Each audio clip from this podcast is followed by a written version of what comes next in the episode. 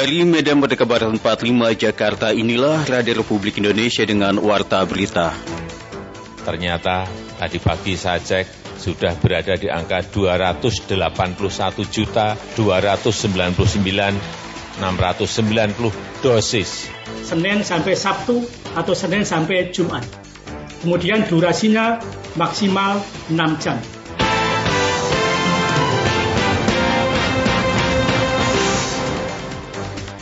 Sari Berita.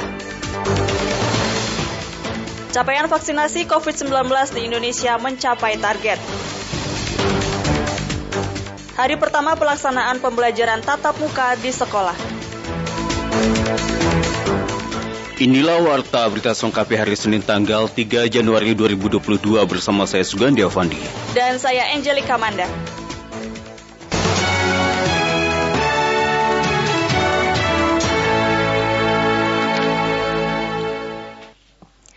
Mengawali warta berita siang ini kami hadirkan sekilas berita utama.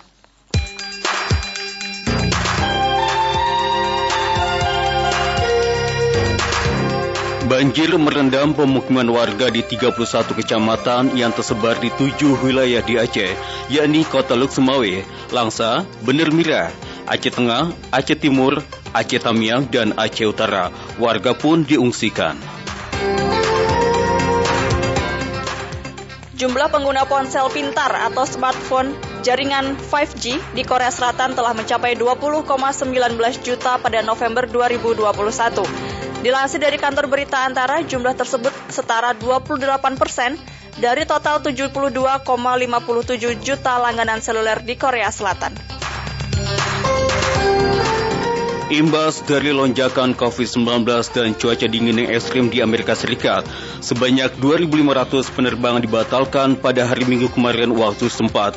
Sebelumnya, pada hari Sabtu, sebanyak 2.700 penerbangan juga dibatalkan. Pakar memprediksi pembatalan penerbangan masih akan terus terjadi hingga hari ini. Manchester City semakin kokoh di puncak klasemen Liga Inggris dengan 53 poin.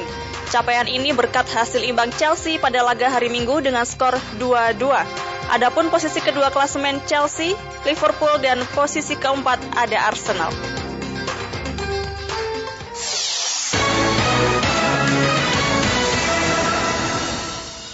Cakupan vaksinasi COVID-19 mencapai target. Hingga akhir tahun 2021, vaksinasi di Indonesia mencapai 281 juta dosis suntikan. Tentu saja ini berdampak pada pemulihan ekonomi yang terus berjalan dengan baik. Penegasan itu disampaikan oleh Presiden Republik Indonesia Joko Widodo saat membuka Bursa Efek Indonesia seperti yang diliput oleh Pradipta Rahadi berikut ini. Dan kita hitung mundur bersama. 3, 2, 1. Presiden Joko Widodo menyampaikan target vaksinasi COVID-19 di Indonesia sudah melebihi target 280 juta dosis, yaitu mencapai 281 juta 299.690 dosis. Hal ini disampaikan Kepala Negara saat membuka Bursa Efek di Gedung Bursa Efek Indonesia pada hari ini. Jokowi mengatakan dengan kondisi geografis Indonesia, tentu memberi vaksinasi masyarakat di seluruh wilayah bukanlah pekerjaan yang mudah. Berdasarkan data yang dimiliki oleh Jokowi, vaksinasi anak dosis pertama sudah mencapai 79,6 persen dan dosis kedua mencapai 54 persen. Target dapat tercapai menurut Jokowi karena kerja keras dari semua pihak, yaitu pemerintah pusat, pemerintah daerah, TNI Polri, Badan Intelijen Negara, perusahaan swasta, dan juga organisasi masyarakat. Target kita 280 juta dosis vaksin bisa disuntikkan ke seluruh masyarakat tercapai atau tidak. Ternyata tadi pagi saya cek sudah berada di angka 281 juta 299 690 dosis. Hati-hati, 280 juta dosis yang disuntikkan itu juga bukan barang yang mudah. Sementara itu Jokowi dalam kesempatan yang sama mengatakan bahwa pemulihan ekonomi Indonesia berjalan dengan baik karena neraca perdagangan yang surplus selama 19 bulan dan ekspor yang melonjak naik akibat dari penghentian ekspor bahan mentah mineral Indonesia. Kira pemulihan ekonomi kita ini cukup kuat, neraca dagang kita surplus 34,4 miliar US dollar dalam 19 bulan surplus terus. Belum pernah kita mengalami seperti ini. Ekspor kita juga naik year on year 49,7 persen. Menteri Koordinator Bidang Perekonomian Erlangga Hartarto berharap presidensi G20 Indonesia dan implementasi Kemitraan Indonesia Komprehensif Regional RCEP dapat membantu geliat pasar modal di tahun 2022. Kegiatan pemulihan ekonomi nasional kita lanjutkan. Yang ketiga terkait dengan presidensi G20 dan keempat berlakunya RCEP eh, perdagangan terbesar di eh, regional terbesar dan diharapkan ini memberikan dukungan kepada pasar modal. Sebelumnya Kementerian Kesehatan menyatakan sasaran vaksinasi yaitu 280 juta 265.720 orang atau 80 persen dari penduduk Indonesia. Jumlah tersebut terdiri dari tenaga kesehatan, penduduk lanjut usia, petugas pelayanan publik, masyarakat rentan, masyarakat umum, dan penduduk usia 12 hingga 17 tahun. Dari Jakarta, Pradipta Rahadi, Pro 3 RRI. Harga cabai rawit merah di Pasar Selipi, Jakarta Barat masih tinggi Rp100.000 per kilogram. Lalu bagaimana dengan komoditas lainnya? Fakih Faturrahman melaporkan selengkapnya untuk Anda. Fakih. Baik pendengar, saat ini saya sedang berada di Pasar Selipi, Jakarta Barat. Pada tanggal 3 Januari ini harga cabai rawit merah uh, masih cukup tinggi, yakni Rp100.000 per kilogram. Meski demikian, harga cabai rawit merah uh, pada Jumat lalu sempat mengalami penurunan sebesar Rp80.000 per kilogram dari sebelumnya menjelang Natal yang mencapai Rp120.000 per kilogram. Uh, dan saat ini saya sedang bersama salah, salah satu seorang uh, pembeli di Pasar TV. Uh, selamat siang Bapak. Siang Pak. Dengan Bapak siapa? Pak Yoga. Pak Yoga, uh, Bapak beli cabai rawit merah ya Pak? Iya benar Pak, beli cabai rawit merah setengah. Oh, setengah berapa berapa? Eh, lima puluh lima puluh ribu Pak. Lima puluh ribu rupiah per setengah kilogram. Iya benar-benar. Uh, dan pendengar, uh, uh, sementara untuk harga telur ayam di pasar Selipi mengalami penurunan uh, dari sebelumnya tiga puluh dua ribu rupiah dan saat ini harga telur ayam uh, di pasar Selipi dua puluh delapan ribu rupiah per kilogram. Uh, penurunan ini terjadi dua kali dalam satu hari ini, yakni pagi tadi harga telur ayam uh, turun uh, di angka Rp30.000 per kilogram. Uh, kemudian pada siang tadi harga kembali turun uh, Rp2.000, yakni jadi saat ini harga telur ayam di pasar Selipi seharga Rp28.000 per kilogram. Sementara untuk bahan-bahan pokok lainnya seperti cabai rawit hijau saat ini menjadi eh, Rp50.000 per kilogramnya dari sebelumnya harga cabai rawit hijau Rp60.000 per kilogram. Uh, kemudian harga cabai merah keriting ini di pasar Slipi uh, di angka Rp45.000 per kilogramnya dari sebelumnya Rp55.000 per kilogram. Sementara harga cabai merah besar uh, saat ini Rp40.000 per kilogramnya dari sebelumnya Rp50.000 per kilogramnya. Sementara uh, harga bawang putih saat ini Rp32.000 per kilogram uh, dari sebelumnya harga bawang putih di pasar Selipi Rp35.000 per kilogram. Untuk bawang merah sendiri uh, saat ini di pasar Selipi harga bawang merah Rp33.000 per kilogram. Sebelumnya harga bawang merah Rp40.000 per kilogram. Uh, dan minyak goreng refill dalam kemasan di pasar Slipi masih tetap dengan harga Rp22.000 per liter. Sementara minyak goreng curah juga masih tetap di angka Rp20.000 per kilogram. Pak Fatur Rahman kembali ke studio. Iya, pendengar sementara itu harga gas LPG non subsidi di Ternate kembali mengalami kenaikan. Gas LPG ukuran 5 kg harga mencapai Rp160.000 per tabung. Adapun gas ukuran 12 kg menjadi Rp290.000 dari harga sebelumnya Rp241.000.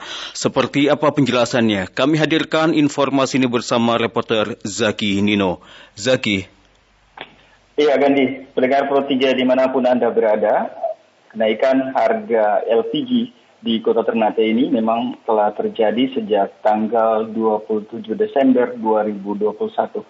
Sama seperti yang dikatakan oleh Sugandi tadi bahwa kenaikan ini berlaku untuk LPG ukuran 5 kg dan 12 kg yang merupakan LPG non subsidi. 5 kg ini dibanderol dengan harga Rp160.000 naik dari harga semula Rp116.000 menjadi Rp160.000. Sedangkan untuk 12 kg ini naik harga dari Rp241.000 ini menjadi Rp291.000. Kenaikan ini dikatakan oleh Nita, salah seorang uh, agen resmi LPG Pertamina ini mengatakan bahwa kenaikan ini baru dilakukan pada tanggal 27 Desember. Padahal pemerintah pusat telah menaikkan LPG sejak tanggal 20 Desember lalu. Namun hasil pantauan kami hari ini Sugandi bahwa LPG non subsidi ukuran 5 sampai dengan 12 kg ini sudah menjadi barang langka. Masyarakat yang ingin menggunakan LPG tidak lagi dapat memperoleh LPG tersebut karena memang stok yang ada untuk seluruh agen LPG yang ada di Ternate ini memang sudah mengalami kekosongan sejak akhir Desember kemarin. Berikut adalah keterangan dari salah seorang karyawan agen resmi LPG milik Pertamina, Mita. Ya, hari kosong dari kilo kan. Apa baru ada, belum pembongkaran lagi. Kalau ini kosong berapa hari yang mudah? Kosong, sebelum kosong itu kosong. Oh, dari tanggal akhir-akhir Desember kosong. Sebelumnya terada. Kalau yang lima, Baik, Nita mengatakan bahwa saat ini kapal pembawa LPG dari Surabaya telah berada di dermaga Ahmad Yani Ternate, namun masih menunggu pembongkaran untuk selanjutnya didistribusi ke sejumlah agen resmi Pertamina yang menjual LPG. Menurut Nita, untuk LPG bersubsidi, yaitu LPG berukuran 3 kg, ini memang tidak dimasukkan di daerah Ternate dan masyarakat rata-rata di Ternate hanya menggunakan LPG non subsidi berukuran 12 sampai dengan 5 kg. Sugandi untuk sementara kembali. Ya, Zaki, uh, jika harga sudah mengalami kenaikan yang cukup tinggi, lalu bagaimana dengan pasokan uh, atau stok uh, gas ini? Ya, Sugandi, di Ternate sendiri menurut keterangan pihak agen mereka tidak bisa melakukan pengisian ulang gas LPG. Mereka akan mengirimkan ini ke Surabaya dan selanjutnya akan dikirim kembali ke Ternate bila sudah dilakukan pengisian. Namun untuk stok kemungkinan beliau menjamin akan tersedia karena memang saat ini sudah ada di Pelabuhan Ahmad Yani. Tinggal menunggu pembongkaran untuk distribusi paling lambat hari ini atau besok mungkin sudah ada stok LPG yang dipasok ke sejumlah agen untuk didistribusi kepada masyarakat Sugandi. Ya, baik terima kasih Zakini atas laporan Anda. Selamat siang.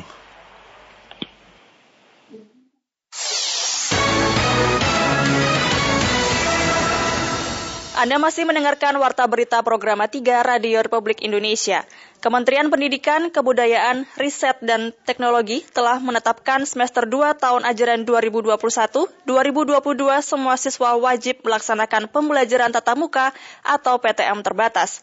Berikut Rini Hairani melaporkan selengkapnya. Nah, selanjutnya mungkin kami uh, lanjutkan dulu paparan Uh, kedua dari Pak Direktur Jenderal Pendidikan Anak uh, Usia Dini, Pendidikan Dasar dan Pendidikan Menengah, Kementerian Pendidikan, Kebudayaan, Riset dan Teknologi, Kemendikbudristek Jumeri mengatakan, pada semester kedua tahun ajaran 2021-2022, semua siswa wajib melaksanakan pembelajaran tatap muka sesuai dengan kebijakan baru yang sudah diterbitkan terkait PTM mulai Januari 2022. Hal itu disampaikan Jumeri dalam webinar penyesuaian kebijakan pelaksanaan pembelajaran tatap tatap muka terbatas tahun 2022 Senin 3 Januari 2022. Jumeri menegaskan mulai Januari 2022 ini orang tua maupun wali siswa tidak lagi memiliki hak untuk memilih metode pembelajaran untuk anaknya. Sebab dalam kebijakan sebelumnya pemerintah memberikan hak kepada orang tua untuk tetap bisa memilih metode pembelajaran jarak jauh selama pandemi COVID-19. Orang tua atau wali peserta didik tidak dapat memilih PTM terbatas atau PJJ bagi anaknya setelah Januari ini.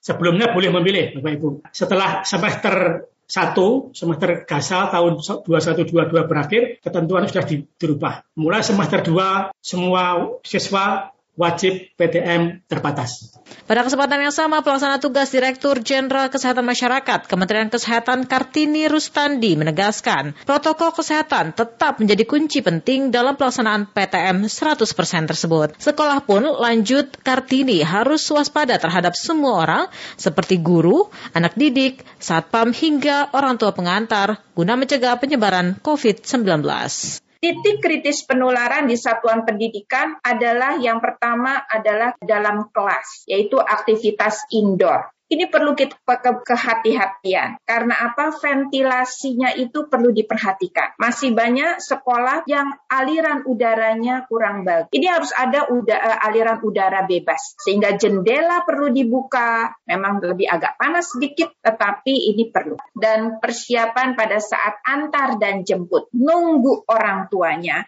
nunggu dijemput, ini perlu mendapat perhatian. Kemudian yang pastikan adalah bagaimana penggunaan masker. Mulai Januari 2022 ini PTM terbatas dapat dilaksanakan setiap hari dengan kapasitas 100% di daerah khusus. Namun ada syarat yang harus dipenuhi. Daftar daerah khusus itu merujuk pada keputusan Menteri Pendidikan, Kebudayaan, Riset dan Teknologi nomor 160 garis miring P tahun 2021 tentang daerah khusus berdasarkan kondisi geografis. Pemerintah membuat pengaturan PTM terbatas dengan mengkategorikan daerah berdasarkan level penyebaran COVID-19 serta dosis vaksinasi kedua dari tenaga pendidik dan lansia di masing-masing daerah. Dalam SKB terbaru, satuan pendidikan di level PPKM 1 dan 2 dapat melaksanakan PTM setiap hari dengan kapasitas 100% dari ruang kelas dengan ketentuan belajar maksimal 6 jam per harinya. Sekolah MTS Negeri 1 Jakarta Selatan belum menjalankan pembelajaran tatap muka PTM secara terbatas dan pantauan ini akan disampaikan oleh Lukman Tara. Lukman, apa yang menjadi pertimbangan sehingga hingga hari ini belum digelar PTM terbatas di Sekolah MTS Negeri 1 Jakarta Selatan? Ya, Gandhi, saat ini saya berada di Sekolah MTSN 1 Jakarta Selatan, di mana memang sekolah MTSN 1 Jakarta Selatan memang saat ini belum mengadakan pembelajaran tatap muka secara 100%. Dan apa alasannya? Saya saat ini bersama dengan Kepala Sekolah MTS N1 Jakarta Selatan, Bapak Ahmad Hakim. Pak Ahmad, apa yang menjadi alasan belum menjalankan PTM 100% ini? Baik ya. Ya, kita untuk mendengar uh, kebijakan uh, keputusan empat uh, keputusan bersama empat menteri ya sudah kita uh, dengar di hari. Namun aturan-aturan turunannya di tingkat kanwil, terutama di Kementerian Agama, itu baru kita dapatkan surat edarannya itu hari Jumat siang ya Jumat siang. Nah sehingga ini jujur saja di hari ini harus kita melaksanakan PTM 100% ya karena berbagai hal yang perlu kita persiapan terutama dari sisi sarpas ruangan kan gitu ya karena setelah dua tahun kurang lebih itu ya tidak ada beberapa bagian sarpas yang memang harus dibenahi terlebih dahulu ya.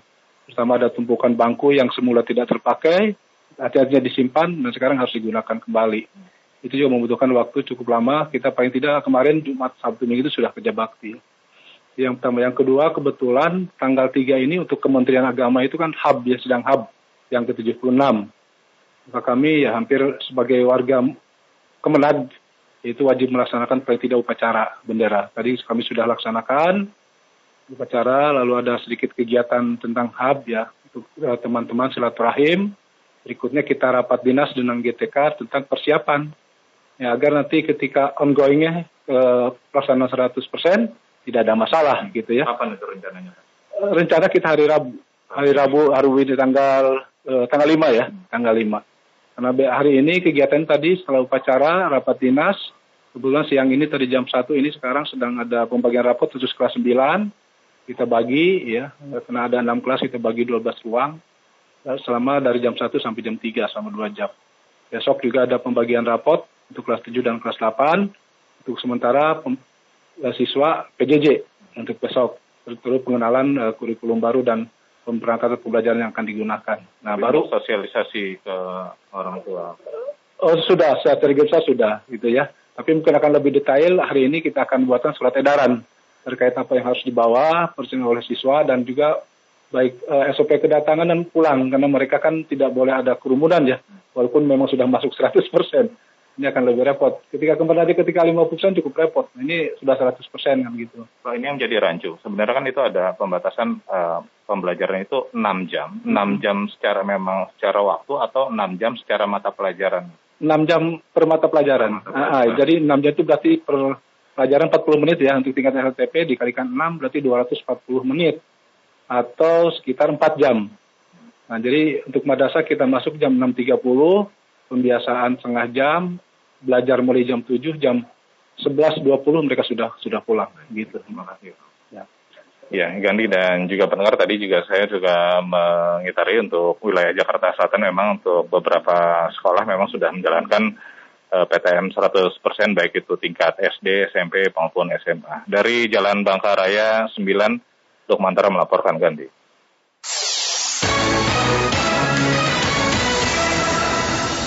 Pemerintah Provinsi Nusa Tenggara Barat menggelar pertemuan tertutup pasca penyerangan pondok pesantren Asunah di Lombok Timur pada minggu dini hari tadi. Berikut Agus Santosa melaporkan selengkapnya untuk Anda. Agus? Ya, pendapat tersebut langsung disampaikan Kepala Kantor Wilayah Kementerian Agama Provinsi Nusa Tenggara Barat Dr. Haji Muhammad Zaidi Abdad kepada Radio Republik Indonesia Mataram. Dan penyampaian tersebut terkait langsung dengan aksi masa yang menyebabkan kerusakan sejumlah fasilitas di pesantren As-Sunnah Desa Bagi Nyaka, Kecamatan Aimal, Kabupaten Lombok Timur pada 2 Januari 2022. Dan hal tersebut disampaikan langsung oleh Zadi Abdad kepada RRI dalam di tengah atau usai peringatan Hari Amal Bakti ke-76 Kementerian Agama Republik Indonesia yang bertema transportasi transformasi layanan terhadap umat. Dan disampaikan oleh Zaidi Abdad bahwa rapat yang berlangsung yang digelar oleh pemerintah Provinsi Nusa Tenggara Barat menghadirkan langsung Kanwil Agama, Sekretariat Daerah, anggota Forum Komunikasi Pimpinan Daerah dan berbagai pihak yang um, akan menuntaskan persoalan ini. Diketahui bahwa rapat berlangsung secara tertutup uh, pagi tadi dan pers uh, untuk saat ini belum mendapatkan hasil rapat. Namun uh, pihak Kanwil Agama Provinsi NTB uh, memberikan sinyal bahwa mereka pihak-pihak yang melakukan aksi atau pihak yang dirugikan bahkan juga masyarakat setempat ada beberapa pihak yang akan dipanggil oleh pemerintah Provinsi Nusa Tenggara Barat bersama dengan kepolisian untuk menjelaskan persoalan ini agar di kemudian hari tidak terjadi persoalan yang sama dan upaya damai tersebut akan dituangkan dalam pendatanganan uh, sinyal itulah yang disampaikan oleh uh, Kanwil Agama kepada RRI pada pagi ini. Dan berikut kutipan wawancara RRI Mataram dengan Kakanwil Agama Provinsi Nusa Tenggara Barat, HM Zaidi Abdas. Iya, jadi hari ini ya, hari ini eh, pada saat wawancara ini, ini kita akan eh, rapat seluruh Forkapimda yang ada di Lombok Timur dan juga yang ada di provinsi ya. Jadi Lombok Timur itu sebenarnya saya akan langsung setelah hub ini meluncur ke Lombok Timur. Uh, tapi karena Pak Sekda tadi menghendaki saya harus ikut rapat di Pemda Provinsi, maka saya pending. Di sana akan diikuti oleh Kemenak Lombok Timur. Dan nanti akan dibuat penandatanganan ya. Termasuk juga yang berulah kemarin itu juga akan didatangkan si Satmizan itu ya. Jadi nanti akan ada semacam uh, penandatanganan ya untuk tidak melakukan hal-hal yang menimbulkan keresahan di masyarakat itu sudah konsepnya sudah dibuat dan tinggal penandatanganan musyawarah pada pagi hari ini dan uh, saya juga habis ini langsung ke Pemda ke provinsi untuk mengikuti rapat itu karena memang ini sangat penting dalam menjaga kondisivitas yaitu masyarakat kita. Adapun situasi terkini di pesantren Asyuna sendiri tengah berlangsung aman karena mendapat pengawalan dari Polda Nusa Tenggara Barat yakni dari Kompi Brimob dan dilakukan oleh penebalan oleh eh, Polda Nusa Tenggara Barat dan langsung disampaikan pada hari ini melalui Kabit Humas Polda NTB, Kombes Pol Artanto melalui siaran pers. Dan situasi masih akan terus uh, berlangsung pengamanan agar uh, urusan atau persoalan ini bisa dengan mudah diurai dan diketahui kemudian pihak-pihak akan dapat lancar dipanggil ke Mataram. Dan pendengar atas uh, terdapat amplifikasi juga dari peristiwa yang terjadi di Lombok Timur di Mataram sendiri juga telah berlangsung aksi damai uh, sejak hari Minggu kemarin atau khususnya hari ini juga terjadi yang dilakukan oleh Persatuan Umat Islam Pulau Lombok. Namun secara damai dan dapat diterima oleh pihak kepolisian Polda Nusa Tenggara Barat karena berlokasi di depan Mapolda NTB.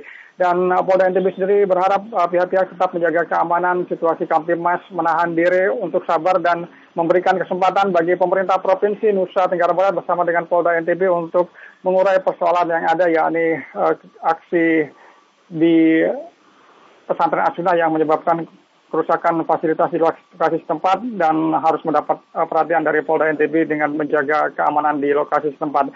Demikian Agus Santosa, Pro 3 RRI.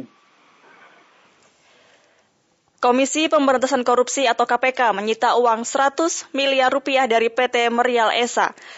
Penyitaan ini terkait kasus dugaan suap pada pembahasan dan pengesahan anggaran proyek untuk Badan Keamanan Laut Republik Indonesia.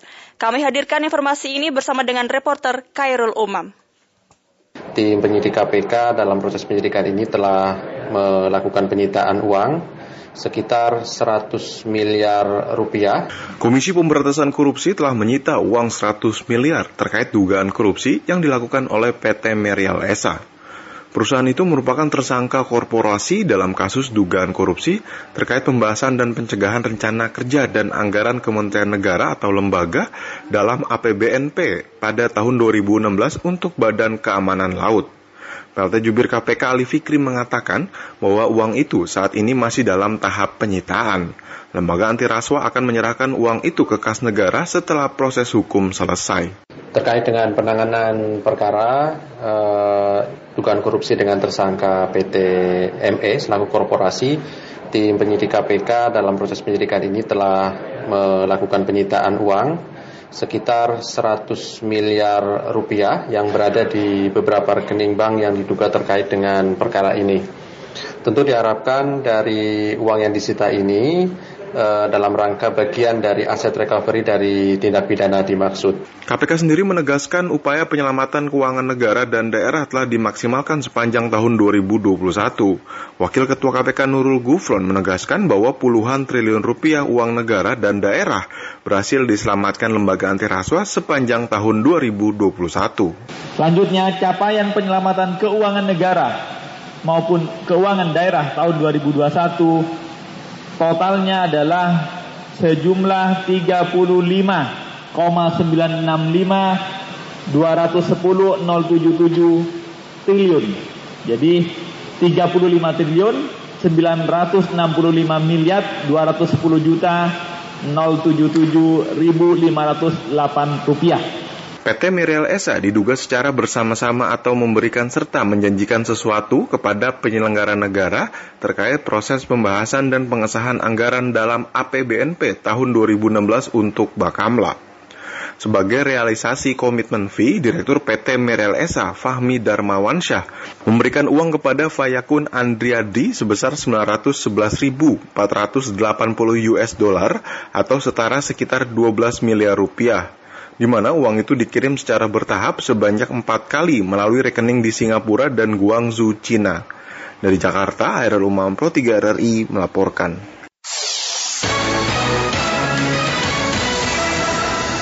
Kita beralih ke berita olahraga. Perjuangan timnas Indonesia di Piala AFF 2020 mendapatkan apresiasi kendati belum menjadi juara. Apresiasi itu terlihat setibanya mereka di tanah air. Penampilan Evan Dimas dan kawan-kawan sepanjang perjalanan Piala AFF 2020 memberikan sebuah harapan besar bagi skuad timnas yang tangguh di masa mendatang. Pengamat sepak bola nasional Halipar Juni kepada reporter Oni Arianto mengatakan kekuatan timnas Indonesia di bawah asuhan Shin Taeyong diyakini akan tampil lebih baik dalam mengukir prestasi 3 hingga 4 tahun ke depan. Berintrospeksi dan mencoba menggali pelajaran yang lebih dalam dari apa yang mereka tunjukkan. Kita tahu bahwa rata-rata pemain Thailand kalau kita bandingkan dengan pemain kita mereka jauh lebih senior 20 kisaran 27, sekian tahun. Artinya hampir sebagian besar yang turun di piala kali ini adalah pemain yang menjadi tulang punggung uh, dan pemain terbaik dari Thailand. Nah ini sangat berbeda dengan kita yang praktis uh, sebagian besar bisa dikatakan minim di level ajang internasional. Artinya jika kita bisa uh, mempelajari apa yang mereka lakukan, apa yang mereka terapkan dan apa yang mereka lakukan di sebuah level internasional, paling tidak jika tim saat ini dipertahankan minimal 3 atau 4 tahun ke depan saya yakin uh, para pemain kita bisa menampilkan seperti yang ditunjukkan oleh pemain-pemain Thailand saat ini. Mereka juga diyakini akan tampil gemilang pada Piala AFF usia di bawah 23 tahun yang berlangsung di Kamboja pada tanggal 14 hingga tanggal 26 Februari tahun 2022. Kendati tidak diperkuat Egi Maulana Fikri, Elkan Bakot, Asnawi Mangkualam, dan Witan Sulaiman, yang semua pemain itu harus kembali ke klubnya masing-masing di luar negeri. Pada Piala AFF U23, Indonesia berada di grup B bersama Malaysia, Myanmar, dan Laos.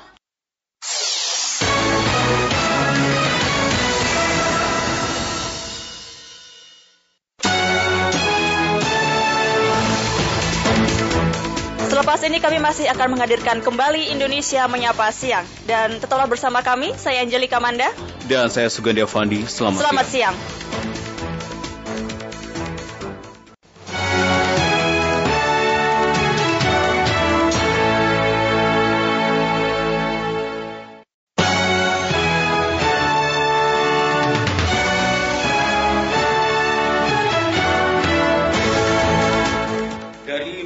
Merdeka Barat 45 Jakarta, inilah Radio Republik Indonesia dengan Warta Berita. Alhamdulillah sudah bisa berjalan dengan baik ya, kegiatan rekonstruksi. Kemudian ditindaklanjuti nanti di untuk di tempat yang lain. Jadi jumlah kasus Omikron di Indonesia sekarang ada 152 Omikron dan yang sudah sembuh 23 persen dari situ. Jadi angka ini memang apa, masih kita lihat cukup baik dibandingkan yang lain.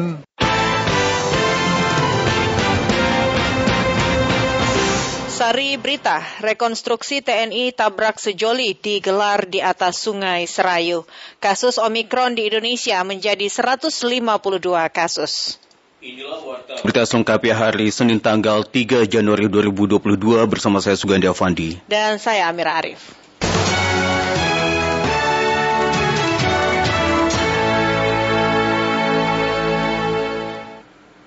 Mengawali warta berita malam ini kami hadirkan sekilas berita.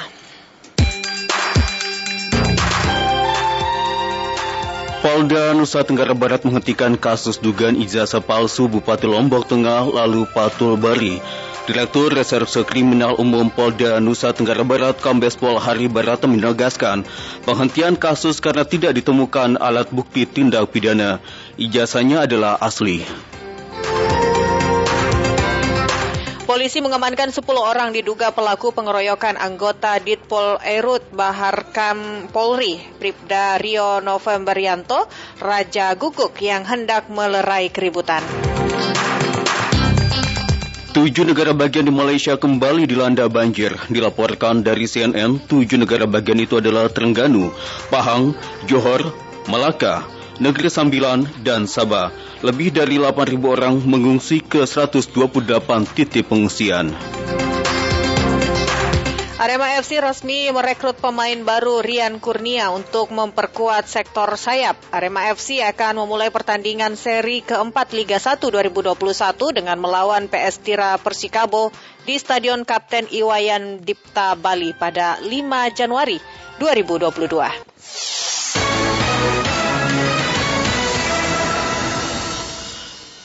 Rekonstruksi pembuangan sejoli korban kecelakaan nagrek Bandung, Handi, dan Salsa berjalan selama 15 menit di atas jembatan menganti kecamatan Rawau Malu, Banyumas, dan sejumlah adegan diperagakan oleh tiga tersangka yang merupakan anggota TNI. Robin Abdurrahman melaporkan berikut ini. Untuk rekonstruksi pembuangan Handi Saputra dan Salzabila oleh tiga tersangka yaitu Kolonel Infanteri P tersangka 1, Kobda AS tersangka 2, dan Kobda DA tersangka 3 berlangsung di atas jembatan Menganti Sungai Tajum, Desa Menganti, Kecamatan Rawalo, Kabupaten Banyumas berlangsung kurang lebih 15 menit. Rekonstruksi ini dilaksanakan pada hari Senin pukul 14 waktu Indonesia Barat diawali dengan adegan mobil minibus B300 Ki yang membawa ketiga tersangka dan dua korban tabrakan di Nagrek Bandung tiba di jembatan Menganti dari arah Cilacap. Selanjutnya, adegan diawali dengan tersangka satu yang memerintahkan kepada tersangka dua dan tiga untuk membuang pasangan sejoli yang berumur 18 tahun, Handi, dan 14 tahun Salsal Bila. Setelah adegan pembuangan dua sejoli ini, selanjutnya kendaraan minibus bergerak ke arah utara atau ke arah Rawalo untuk melanjutkan perjalanan ke Yogyakarta. Dan di 0701 Banyumas, Letkol Chandra mengatakan pelaksanaan rekonstruksi berjalan lancar, memperagakan sejumlah adegan yang dilakukan oleh ketiga tersangka dengan mempergunakan boneka sebagai pengganti korban. Tempatnya di jembatan ini. Alhamdulillah sudah bisa berjalan dengan baik ya, kegiatan rekonstruksi kemudian ditindaklanjuti nanti di untuk di tempat yang lain berdasarkan keterangan. Sedangkan warga Menganti, Sabar yang rumahnya hanya berjarak sekitar 100 meter dari jembatan Menganti mengatakan pada saat kejadian yaitu tanggal 8 Desember 2021 pada saat malam hari tidak ada warga yang berada di sekitar jembatan. Biasanya jembatan tersebut penuh dengan warga yang memancing. Namun pada saat itu sedang hujan. Ya sepi kalau, sih kalau hujan. Kalau nggak hujan sih ramai tukang itu mancing ikan. Mulai sepi jam berapa mas? Ya di atas jam sembilanan lah. Gak ada yang lihat begitu warga sini mas? Nggak ada, nggak ada, nggak ada. Malah kaget di sini malah. Seperti diberitakan sebelumnya, jenazah Handi Saputra diketemukan di aliran Sungai Serayu sejauh satu setengah kilometer dari jembatan Menganti oleh warga di Desa Banjar Parakan, Kecamatan Rawalo pada tanggal 11 Desember 2021. Sedangkan jenazah Salsabila diketemukan oleh warga Cilacap di aliran Sungai Serayu di sekitar Bunton pada tanggal 10 Desember 2021, kurang lebih 20 km dari jembatan Menganti. Sedangkan peristiwa tabrakan terjadi di Nagrek, Bandung, Jawa Barat pada tanggal 8 Desember 2021. Kedua jenazah ini diketahui dari pakaian yang dikenakan yang merupakan pakaian sepasang atau couple. Robin Abdurrahman melaporkan.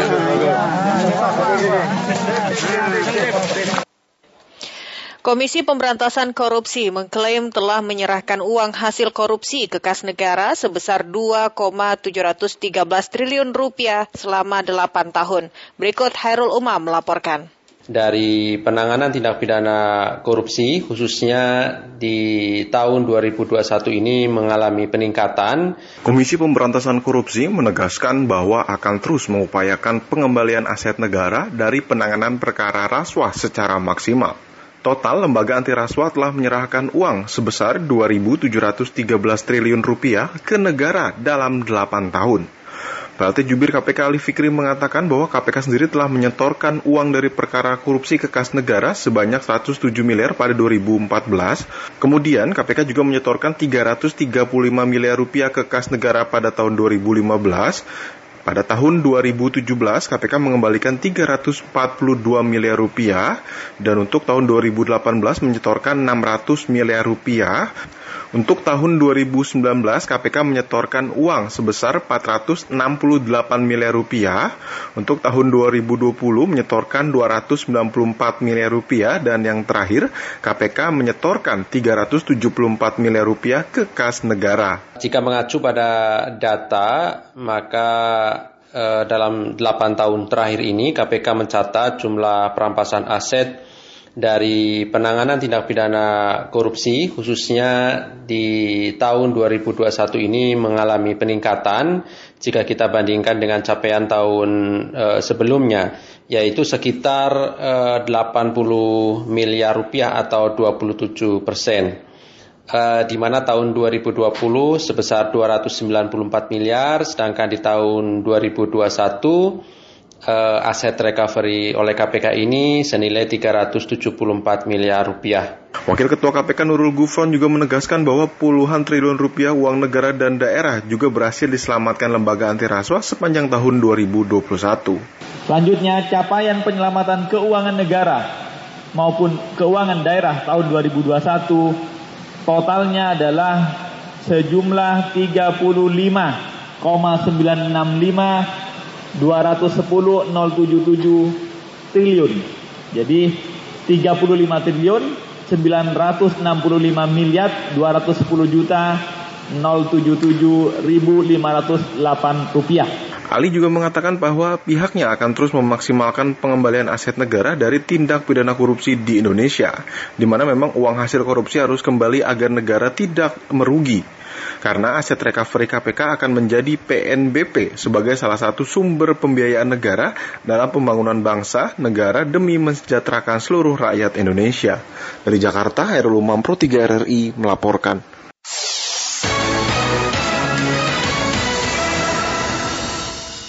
Pemerintah mengkonfirmasi jumlah kasus COVID-19 varian Omikron di tanah air bertambah menjadi 152 kasus. Kendati tidak setinggi negara lain, pemerintah tetap siaga. Berikut Pradipta Rahadi melaporkan.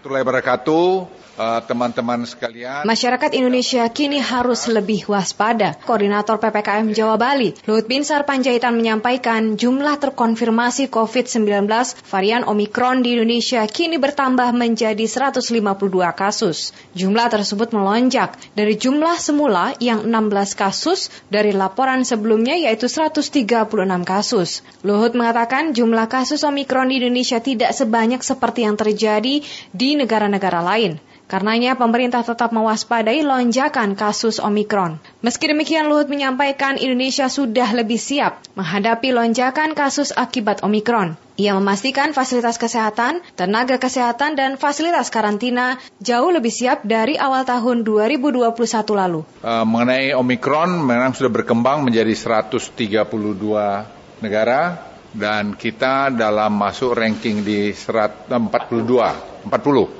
Jadi jumlah kasus Omikron di Indonesia sekarang ada 152 Omikron dan yang sudah sembuh 23 persen dari situ. Jadi angka ini memang masih kita lihat cukup baik dibandingkan yang lain.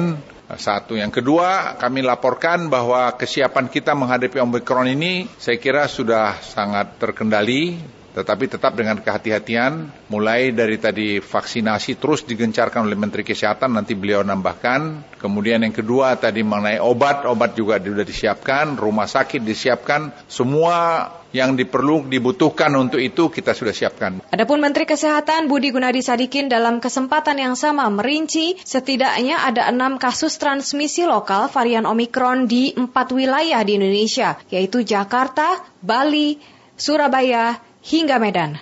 Tapi dari 152 kita tahu 6 sudah merupakan transmisi lokal. Ada yang datang dari, eh, sebagian besar di Jakarta, tapi ada juga yang datang dari Medan dan juga dari Bali dan Surabaya. Jadi kita tetap harus selalu waspada.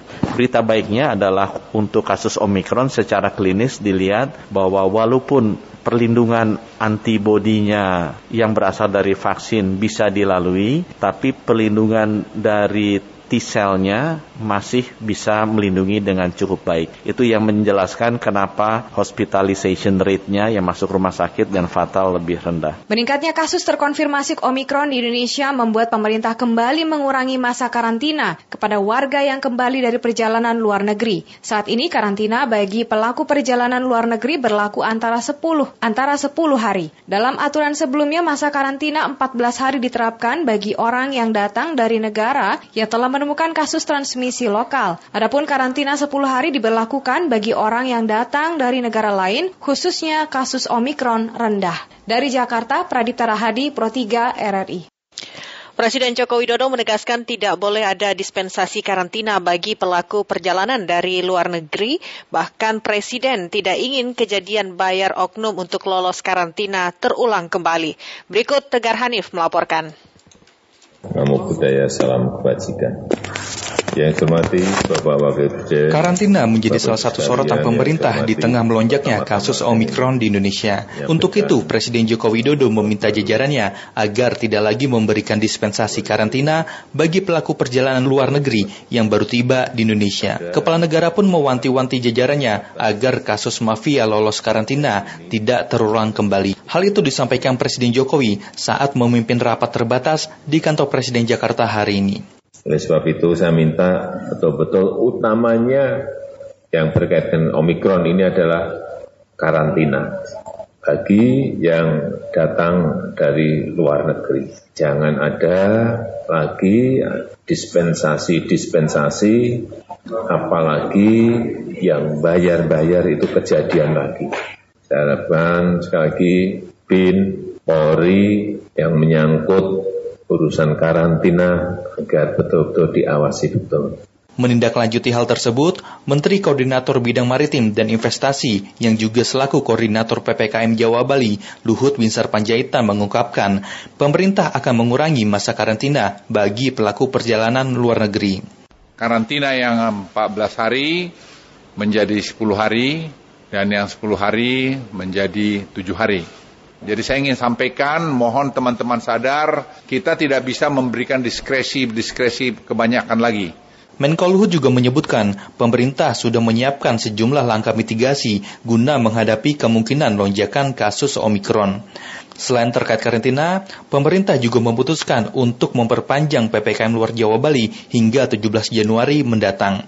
Dari Jakarta, Tegar Hanif, Pro 3 RRI, melaporkan.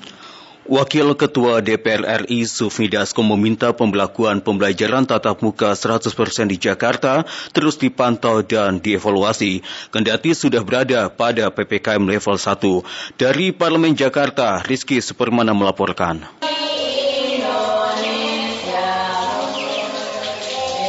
Menanggapi telah diberlakukannya pembelajaran tatap muka PTM 100% pada sekolah di wilayah DKI Jakarta, Wakil Ketua DPR Submi Dasko Ahmad hari ini kepada wartawan di Jakarta menyebut telah sesuai ketentuan Satgas COVID-19 di antaranya PPKM level 1 dan tingkat capaian vaksinasi di atas rata-rata nasional. Tentunya apa yang dilakukan oleh Pemda DKI itu sudah sesuai dengan peraturan pemerintah atau yang dikeluarkan oleh Satgas COVID-19. Kita tahu vaksinasi untuk anak sekolah itu sudah mencapai dosis 80% dan PPKM-nya itu sudah level 1 untuk di DKI. Supmi Dasko Ahmad yang juga koordinator Satgas lawan COVID-19 DPR ini meminta adanya pemantauan dan evaluasi pemberlakuan PTM 100% di Jakarta. Menurutnya Pemda DKI juga harus mewaspadai penyebaran varian Omikron di sekolah selama PTM. Tetap saja bahwa dengan adanya varian baru Omikron, kita minta kepada Pemda DKI untuk tetap waspada, melakukan pemantauan day to day. Jangan sampai nanti ada klaster baru di sekolah, agar juga kemudian membuat evaluasi dari waktu ke waktu. Perlu disosialisasikan juga kepada orang tua, apalagi ini kan jam terbatas yang juga harus disampaikan kepada orang tua bahwa ini belum full day. Sementara itu, Wakil Ketua Komisi 10 DPR, Dede Yusuf Macan Effendi menyebut telah dua tahun siswa-siswi Indonesia mengalami learning loss atau kehilangan pembelajaran sehingga diperlukan PTM. Karena kita telah terjadi learning loss yang bahwa prioritas agenda Pak Jokowi adalah SDM unggul. Nah kalau berbicara SDM unggul tentu kita harus berbicara learning loss. Pemberlakuan PTM 100% di Jakarta dilakukan pertama kalinya dengan protokol kesehatan ketat serta pengawasan baik sekolah maupun orang tua. Dari Jakarta, Rizky Supermana Pro 3 RRI.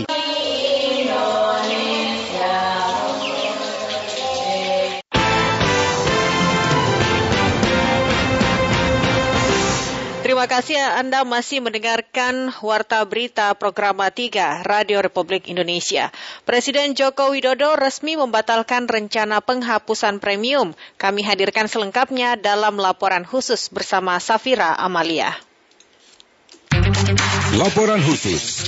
Laporan khusus. Laporan khusus. Presiden Joko Widodo batal menghapus BBM jenis premium atau RON 88. Presiden justru mengubah aturan terkait pendistribusian dan juga harga jual BBM. Hal ini tertuang dalam Peraturan Presiden Republik Indonesia Nomor 117 Tahun 2021 tentang pendistribusian dan juga harga jual eceran bahan bakar minyak atau BBM yang merupakan perubahan ketiga atas Perpres Nomor 191 Tahun 2014. Terkait hal ini, pihak Pertamina masih enggan angkat bicara. Saat dihubungi Pro 3 RRI, Korporat Sekretaris Subholding Commercial and Trading Pertamina Irto Ginting hanya memberikan keterangan tertulisnya yang mengatakan bahwa pihaknya masih menunggu surat penugasan resmi dari pemerintah. Mengutip CNBC, Sekretaris Jenderal Dewan Energi Nasional Joko Siswanto menyebut penghapusan bensin jenis premium sebelumnya telah sempat dilakukan oleh pemerintah, seperti halnya yang dilakukan oleh Pertamina dengan memperkecil volume bensin premium di wilayah Jawa, Madura, dan Bali. Joksis pun menyarankan masyarakat di wilayah-wilayah tersebut untuk menggunakan BBM dengan kualitas yang lebih baik. Di daerah-daerah yang sudah saat uh, masyarakat mampu di kota-kota besar gitu ya, uh, ini bisa membeli BBM dengan kualitas yang lebih baik. Sementara di daerah-daerah tertentu yang masyarakat masih apa namanya daya belinya masih uh, terbatas, uh, masih menikmati BBM uh, premium ini. Sebelumnya Direktur Utama Pertamina Nika Widiawati sempat mengungkapkan bahwa jika mengikuti peraturan Menteri Lingkungan Hidup dan Kehutanan nomor 20 tahun 2017 di mana bensin harus memiliki nilai oktan minimum RON 91, semestinya premium sudah tidak lagi dijual. Namun masih ada beberapa pertimbangan yakni terkait keterjangkauan dan juga supply.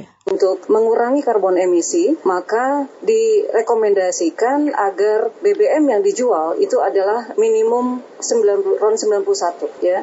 Jadi ini uh, uh, dasarnya. Nah, kita melihat bahwa bagaimana tahapan yang dilakukan karena Bapak Presiden sendiri mengatakan bahwa harus melihat juga uh, aspek lain dalam implementasinya. Satu adalah mengenai uh, affordability, yang kedua adalah kesiapan dari supply yang dari Pertamina itu sendiri.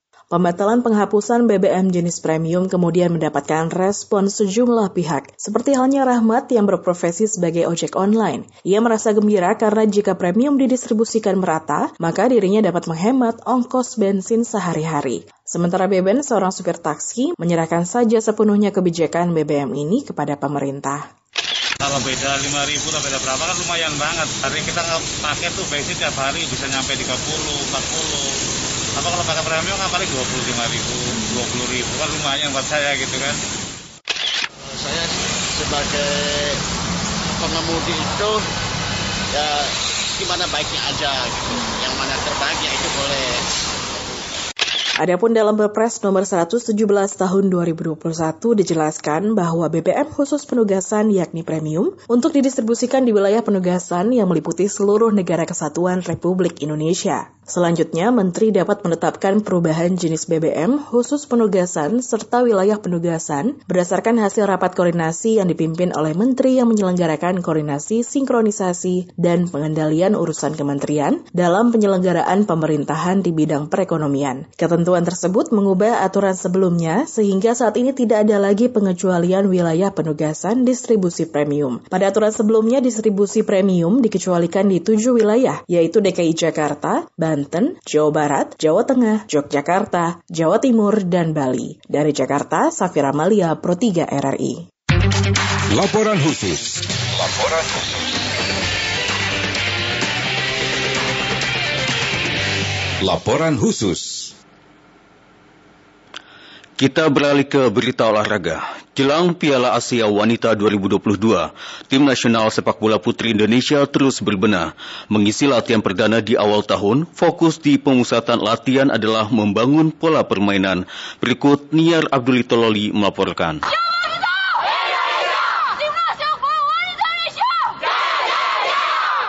Tim nasional sepak bola putri Indonesia terus berbenah jelang pelaksanaan Piala Asia Wanita 2022 yang akan segera bergulir pada 20 Januari mendatang.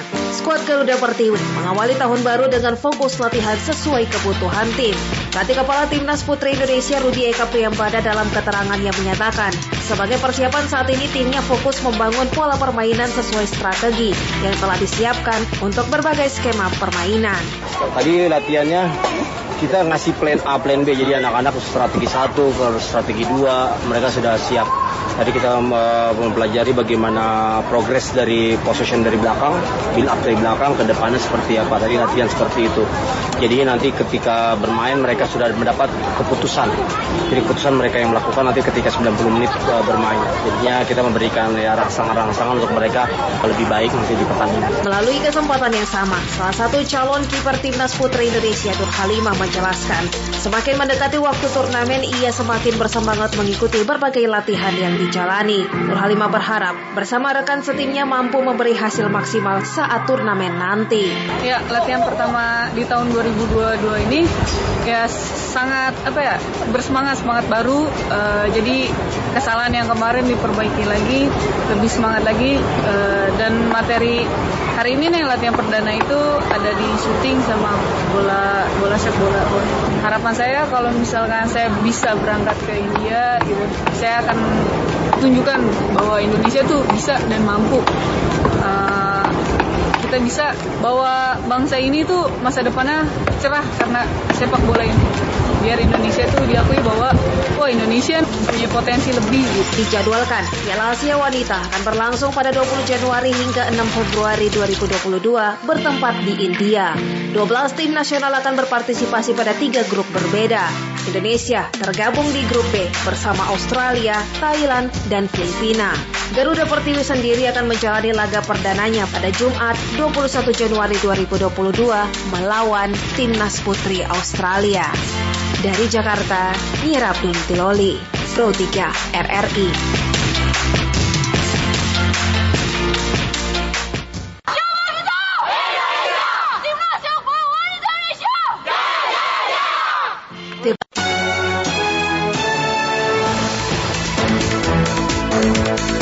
Selepas ini kami akan melanjutkan kembali program Indonesia Menyapa Petang. Tetaplah bersama kami. Saya Amira Arif. Dan saya Suganda Fandi.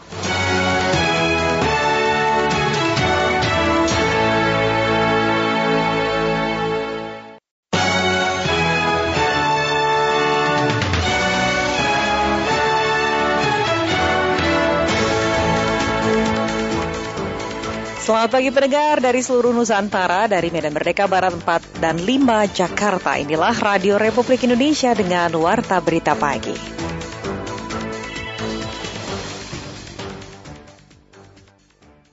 Karantina, karantina selama 10 hari karena rata-rata PM ini bukan dari 13 negara yang harus karantina 14 hari. Itu saya melihat bahwa ke depan tetap tantangannya pertama adalah bagaimana kita bisa memitigasi atau melakukan containment ya terhadap penyebaran COVID ini karena itu sangat mempengaruhi baik ekonomi maupun sektor energi.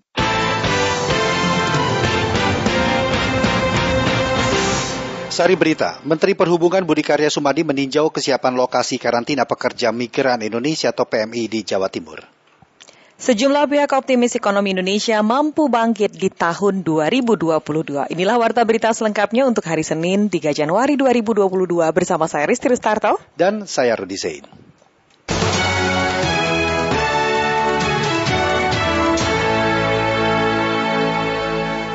Pendengar mengawali warta berita pagi ini kami sampaikan sekilas berita.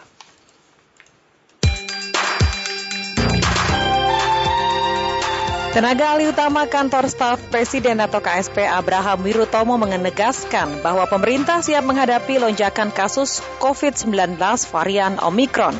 Ia menekankan bahwa saat ini sudah menyiagakan 1.011 rumah sakit dan 82.168 tempat tidur untuk pasien COVID-19.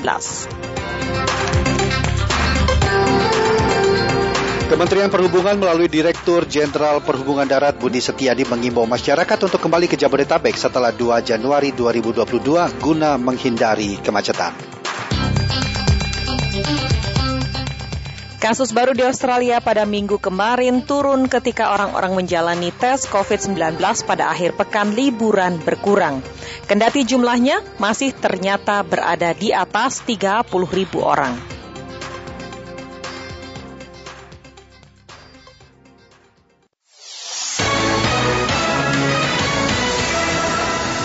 Pendengar Menteri Perhubungan Budi Karya Sumadi meninjau kesiapan lokasi karantina pekerja migran Indonesia atau PMI yang akan kembali ke Jawa Timur. Kita simak laporan Anik Hasana berikut ini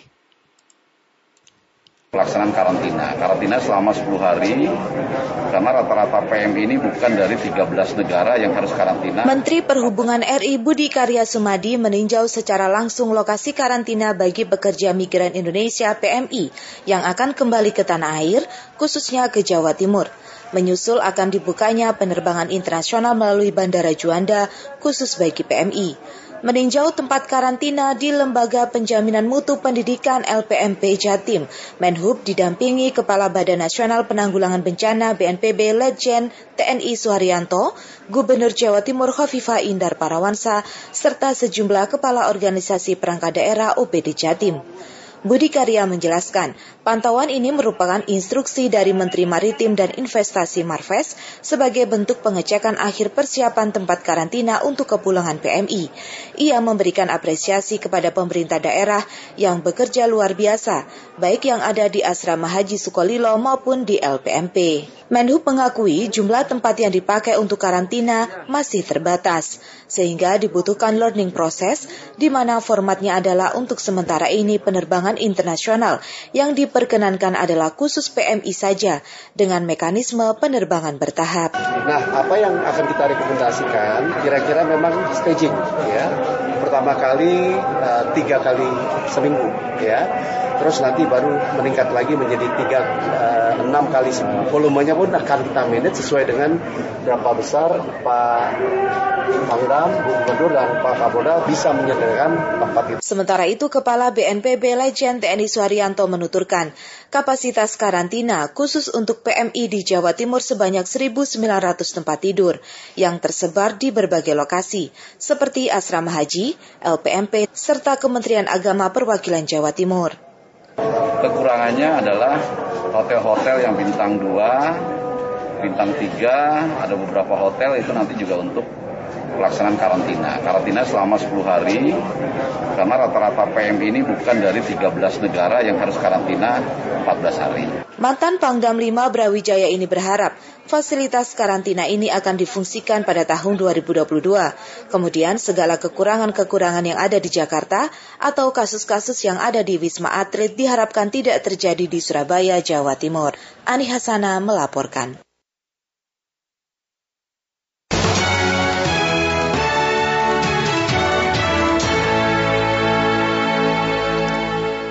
Badan Penyelenggara Jaminan Sosial atau BPJS Kesehatan menargetkan cakupan kepesertaan program Jaminan Kesehatan Nasional Kartu Indonesia Sehat atau JKN KIS mencapai 88,51 persen di 2022. Rini Herani melaporkan. Salah satunya terkait dengan besaran iurannya nanti. Baik, untuk yang pertama... Badan Penyelenggara Jaminan Sosial atau BPJS Kesehatan menargetkan cakupan kepesertaan program Jaminan Kesehatan Nasional Kartu Indonesia Sehat atau JKNKIS dapat mencapai 88,51 persen terhadap total jumlah penduduk Indonesia pada tahun 2022. Direktur Utama BPJS Kesehatan Ali Gufron Mukti mengatakan cakupan tersebut setara dengan jumlah kepesertaan yang mencapai total 245,14 juta jiwa. Menurutnya menjadi tantangan bagi BPJS Kesehatan untuk mencapai target 98 persen cakupan peserta sesuai dengan target rencana pembangunan jangka menengah nasional di tahun 2024. Jadi perspektif target pencapaian ya kita inginkan mengenai kepesertaan itu bisa meningkat dan kita berharap total peserta itu paling tidak ya, nanti 245 juta ya. Sekarang posisi kita itu di ya, 235 juta sekitar itu. Jadi kalau persennya ya kita harap 8, eh, 88 persen, tetapi 2024 memang ditargetkan 98 persen, tetapi tentu ini tantangan karena tidak mudah ya karena baik dari berbagai macam katakanlah sektor atau jenis kepesertaan ya, ini ada tantangannya tersendiri. Sementara itu, anggota Dewan Jaminan Sosial Nasional DJSN Mutakin menilai BPJS Kesehatan perlu menyusun rencana strategis yang sistematis untuk mengejar target cakupan kepesertaan sesuai dengan amanat RPJMN. Selain itu, strategi juga diperlukan untuk mengurangi jumlah peserta nonaktif. Data yang disampaikan oleh BPJS Kesehatan hampir 300 ribu ya Pak Dirut ya, yang menggunakan uh, program relaksasi tunggakan iuran ini. Nah ini tentu uh, ini menunjukkan bagaimana kebutuhan dari masyarakat untuk ikut serta dalam program ini masih tinggi. Tetapi memang kemampuan mereka untuk membayar secara langsung ketika mereka tidak mampu untuk membayar tunggakan itu tentu menjadi masalah. Hingga November 2021 BPJS Kesehatan mencatat jumlah peserta JKN-KIS telah mencapai 229,51 juta jiwa dan diproyeksikan dapat mencapai 235,68 juta jiwa pada akhir 2021 lalu dengan tingkat cakupan sebesar 86,02 persen. Adapun BPJS Kesehatan juga akan mengimplementasikan program rencana pembayaran iuran bertahap rehab di tahun 2022 untuk memudahkan peserta JKNKIS pekerja bukan penerima upah dan bukan pekerja melunasi tunggakan iuran mereka. Pemerintah melalui BKKBN RI berkomitmen menurunkan angka stunting mencapai 14 persen hingga 2024. Laporan disampaikan Gautama Indra Praja berikut ini. Kalau panjenengan uh, untuk mengasih makanan pada balita ibu-ibu Stunting masih menjadi tantangan besar terhadap sumber daya manusia, terutama selama pandemi COVID-19. Ironisnya, 156.549 balita di Jawa Tengah mengalami stunting karena praktek pengasuhan yang tidak baik, kurangnya akses ke makanan bergizi, kurangnya akses air bersih, hingga terbatasnya layanan kesehatan. Untuk itu, pemerintah melalui BKKBN RI mentargetkan penurunan stunting 14 persen pada tahun 2024. Kepala BKKBN RI Hasto Wardoyo saat melakukan kunjungan kerja di Jawa Tengah mengatakan penanganan stunting harus melibatkan semua komponen agar terwujudnya generasi emas di tahun 2045. Kita mencoba untuk membuat uh, dapur sehat yang mana dapur sehat untuk mengatasi stunting ini sumber makanannya diambil dari makanan lokal. Sementara itu, Wali Kota Semarang Hendrar PHD mengakui angka kemiskinan di Kota Semarang mencapai 4,05 persen, sedangkan angka kemiskinan dan stunting tertinggi berada di Kelurahan Tanjung Mas atau wilayah pesisir pantai utara. Untuk kemajuan Kota Semarang pasti kita bersama-sama akan mengguyung program dari BKKBN Pusat, termasuk uh, target angka stunting di kota Semarang, kemudian target untuk bisa menurunkan lagi angka kematian ibu dan anak di kota Semarang, kami matur nuwun. Ketua Tim Penggerak PKK Kelurahan Tanjung Mas Semarang, Asih Margo kepada RRI SAP mengungkapkan angka stunting di wilayahnya tertinggi sekecamatan Semarang Utara sehingga perlu penanganan serius dari semua pihak. Kami dibantu PMT khususnya tapi khusus untuk balita stunting. Kebetulan e, di wilayah kami di khususnya di Tanjung Mas itu memang stuntingnya untuk kecamatan Semarang Utara tertinggi. Meskipun angka stunting di wilayah pesisir kota Semarang masih tinggi, namun pemerintah kota Semarang dinilai berkontribusi besar terhadap penurunan stunting karena angka stuntingnya saat ini mencapai 3 persen atau lebih rendah dari angka nasional yang mencapai 27,6 persen. Menteri PUPR Basuki Hadi Mulyono memperingatkan agar berhati-hati dalam menata kota pusaka Lasem. Seperti apa informasinya disampaikan oleh Miftah. sekarang progresnya sudah 30 persen untuk membangun apa renovasi masjid, pasar, pembangunan pasar dan alun-alun setelah Menteri Pekerjaan Umum dan Perumahan Rakyat Republik Indonesia Basuki Hadi Mulyono berkunjung ke Kecamatan Lasem Kabupaten Rembang Minggu 2 Januari 2022 untuk meninjau progres penataan kota Pusaka Lasem. Kedatangannya disambut oleh Wakil Ketua Komisi 5 DPR RI Arwani Tomafi, anggota DPRD Jawa Tengah Abdul Hasis, dan Bupati Rembang Abdul Hafid, serta Kiai Haji Muhammad Zaim Ahmad Maksum, ngasuh Pondok Pesantren Kauman di Masjid Jami Lasem. Usai meninjau penataan kota Pusaka Lasem, Menteri Basuki mengatakan progres renovasi Masjid Jami, penataan alun-alun dan pasar kreatif sudah 30 persen. Targetnya bulan Agustus 2022 ini penataan kota pusaka bisa selesai. Menteri juga mengungkapkan telah mewanti-wanti kontraktor dan konsultan proyeknya agar berhati-hati dalam penataan kota pusaka Lasem. Saya tadi sudah panggil kontraktor dan konsultannya. Ini barang seni, artwork, jadi harus hati-hati. Tidak buta-butuk asal selesai, jadi harus hati-hati.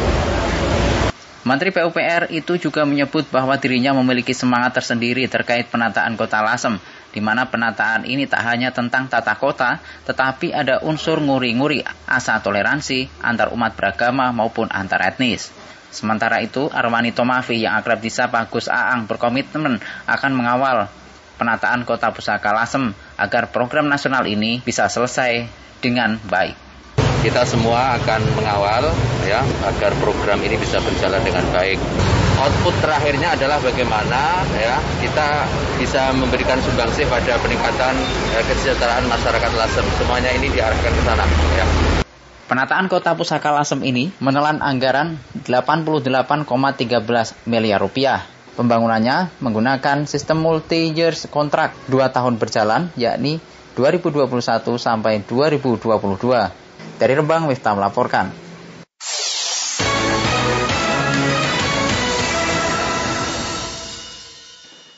Terima kasih pendengar. Anda masih bersama kami dalam Warta Berita Produksi Pusat Pemberitaan Program 3 Radio Republik Indonesia. Pandemi COVID-19 yang masih melanda dunia termasuk Indonesia masih menjadi faktor yang mempengaruhi pertumbuhan ekonomi Indonesia. Namun demikian, banyak pihak optimis ekonomi Indonesia mampu bangkit pada tahun 2022 lebih baik dari tahun sebelumnya. Informasi tersebut selengkapnya kami hadirkan dalam sesi laporan khusus Pro 3 bersama Niar Abdul Litiloli. Laporan khusus. Laporan khusus. Laporan khusus. Urgent adalah keberadaan vaksin COVID-19, terutama bagaimana kita bisa meningkatkan roll out. Pemerintah Indonesia mencanangkan sejumlah proyek besar untuk meningkatkan pertumbuhan ekonomi nasional di tahun 2022. Beberapa pihak pun memiliki optimisme bahwa ekonomi Indonesia mampu tumbuh di tahun yang baru. Peneliti Institute for Development of Economic and Finance INDEF di bidang energi Imadudin Abdullah menyebut terdapat sejumlah faktor yang dapat mempengaruhi pertumbuhan ekonomi Indonesia di tahun 2022. Uh, saya melihat bahwa ke depan karena kembali lagi ke alur berpikir yang tadi coba saya jelaskan di awal bahwa bagaimanapun tantangan energi ke depan sangat dipengaruhi oleh sektor ekonomi lalu juga dipengaruhi oleh uh, perkembangan COVID oleh sebab itu saya melihat bahwa ke depan tetap tantangannya pertama adalah bagaimana kita bisa memitigasi atau melakukan containment ya terhadap penyebaran COVID ini karena itu sangat mempengaruhi baik ekonomi maupun sektor energi. Yang kedua menurut saya juga urgent adalah keberadaan vaksin COVID-19 terutama bagaimana kita bisa meningkatkan roll out di Indonesia. Yang ketiga perkembangan fiskal nasional dan empat adalah target energi nasional. Imanuddin melanjutkan kemunculan varian baru COVID-19 masih mempengaruhi ekonomi global termasuk di tanah air. Untuk itu Imanuddin berharap pemerintah telah menyiapkan berbagai skenario yang mampu menanggulangi dampak yang diakibatkan karena munculnya varian baru COVID-19 yang mungkin terjadi di tahun 2022.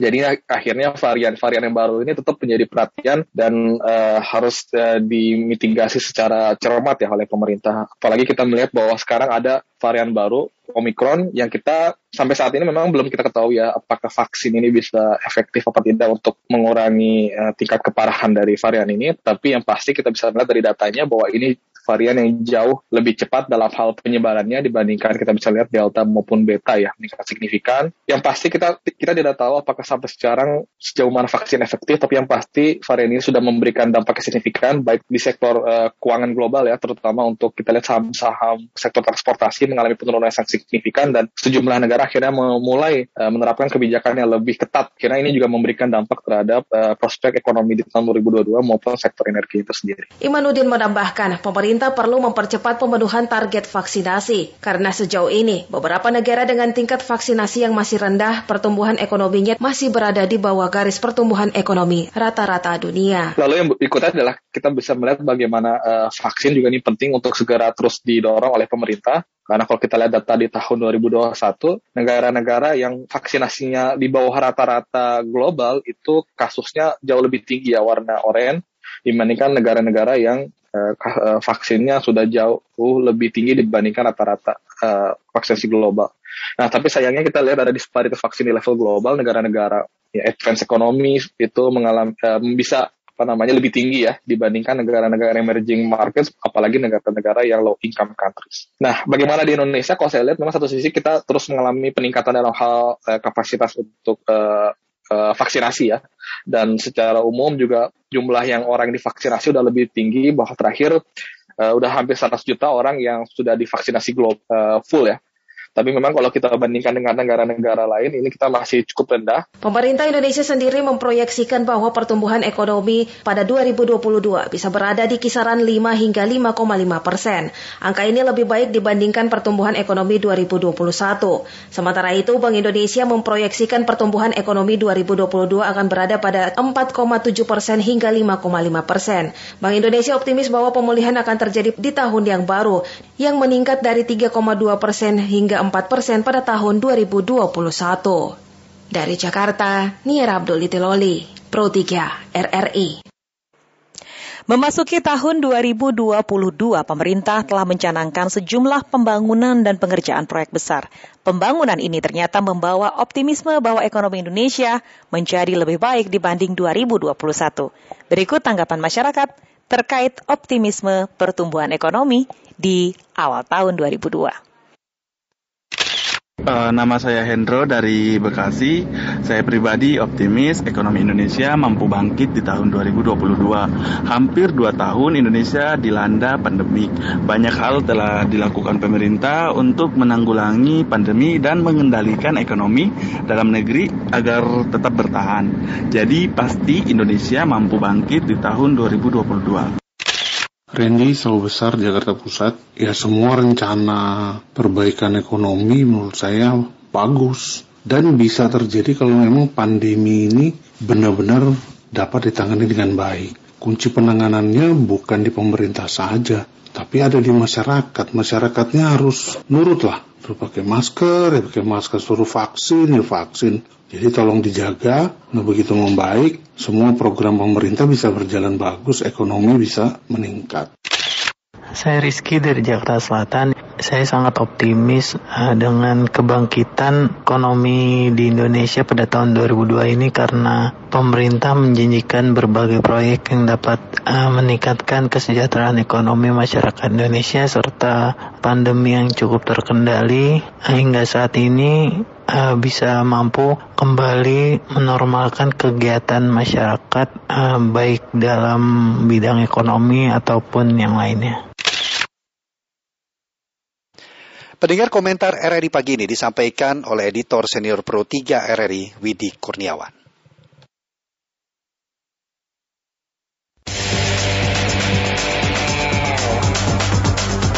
Editorial Pro 3 Selamat pagi pendengar. Sudah hari ketiga sejak waktu berganti dari tahun 2021 ke tahun 2022. Ada banyak resolusi dan target yang hendak dicapai di tahun ini.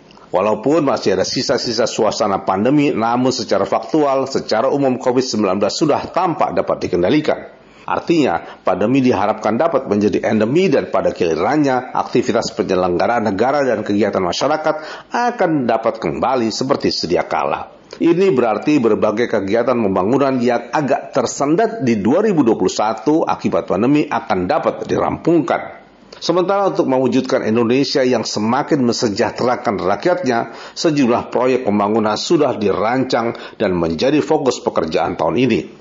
Dalam pesan tahun barunya, Presiden Republik Indonesia Joko Widodo menekankan semangat baru 2022 dan bekerja untuk Indonesia maju. Presiden Joko Widodo adalah pimpinan negara yang selalu menyuntikkan semangat positif kepada seluruh bangsa, padahal di saat yang sama masih ada sisa-sisa pandemi. Sejumlah proyek pembangunan jalan tol dan jalan trans antar provinsi terus dikerjakan untuk menghubungkan satu wilayah dengan wilayah lain secara cepat. Lalu penyelesaian kereta api cepat Jakarta-Bandung yang ditunggu-tunggu launchingnya. Kemudian, Presiden Joko Widodo jelang pergantian tahun juga sempat meresmikan proyek pembangunan rumah sakit internasional Mayo Clinic. Mayo Clinic adalah brand kesehatan internasional yang salah satu pasiennya adalah mantan Presiden Republik Indonesia Susilo Bambang Yudhoyono dan dapat sembuh dari sakit prostat. Ke depan, orang kaya tidak perlu berobat lagi ke luar negeri, cukup ke Bali. Selain itu, Presiden Joko Widodo juga menyiapkan proyek PLTA terbesar di Kalimantan Utara. Berbagai tipe pembangkit listrik terus dikembangkan untuk menerangi seluruh wilayah Nusantara. Belum lagi yang ditunggu-tunggu adalah pembangunan ibu kota negara baru. Pada waktu sebelumnya, kendati sebat dibayang-bayangi COVID-19, kinerja keuangan negara tampaknya kini juga cukup baik per 26 Desember 2021 lalu, realisasi penerimaan pajak sebesar 1.231,8 triliun rupiah ini melebihi target yang dicanangkan 1.229,6 triliun rupiah. Belum lagi penerimaan PNBP. Namun sayangnya, kata Menteri Keuangan Sri Mulyani, serapan anggaran negara pemerintah justru kurang optimal, padahal uangnya cukup dari bursa, kendati pada penutupan 30 Desember lalu ada pada zona merah, tetapi secara umum pada tahun 2021 kinerjanya menjanjikan pada level 6.500 lebih. Dengan capaian dan kondisi faktual semacam itu, maka tahun 2022 ini ditatap dengan semangat optimisme dan suasana yang menjanjikan untuk Indonesia maju. Selamat berkarya dan mewujudkan resolusi di tahun 2022. Demikian komentar, selamat pagi.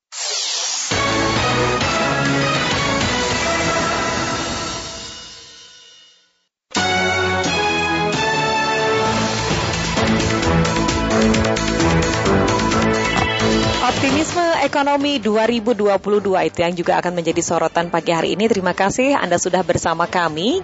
Tetaplah bersama Pro 3 karena kami punya sejumlah informasi-informasi penting yang sayang untuk Anda lewatkan dalam program Indonesia Menyapa Pagi. Saya Rizky Starto. Saya Rudi Zain. Selamat pagi.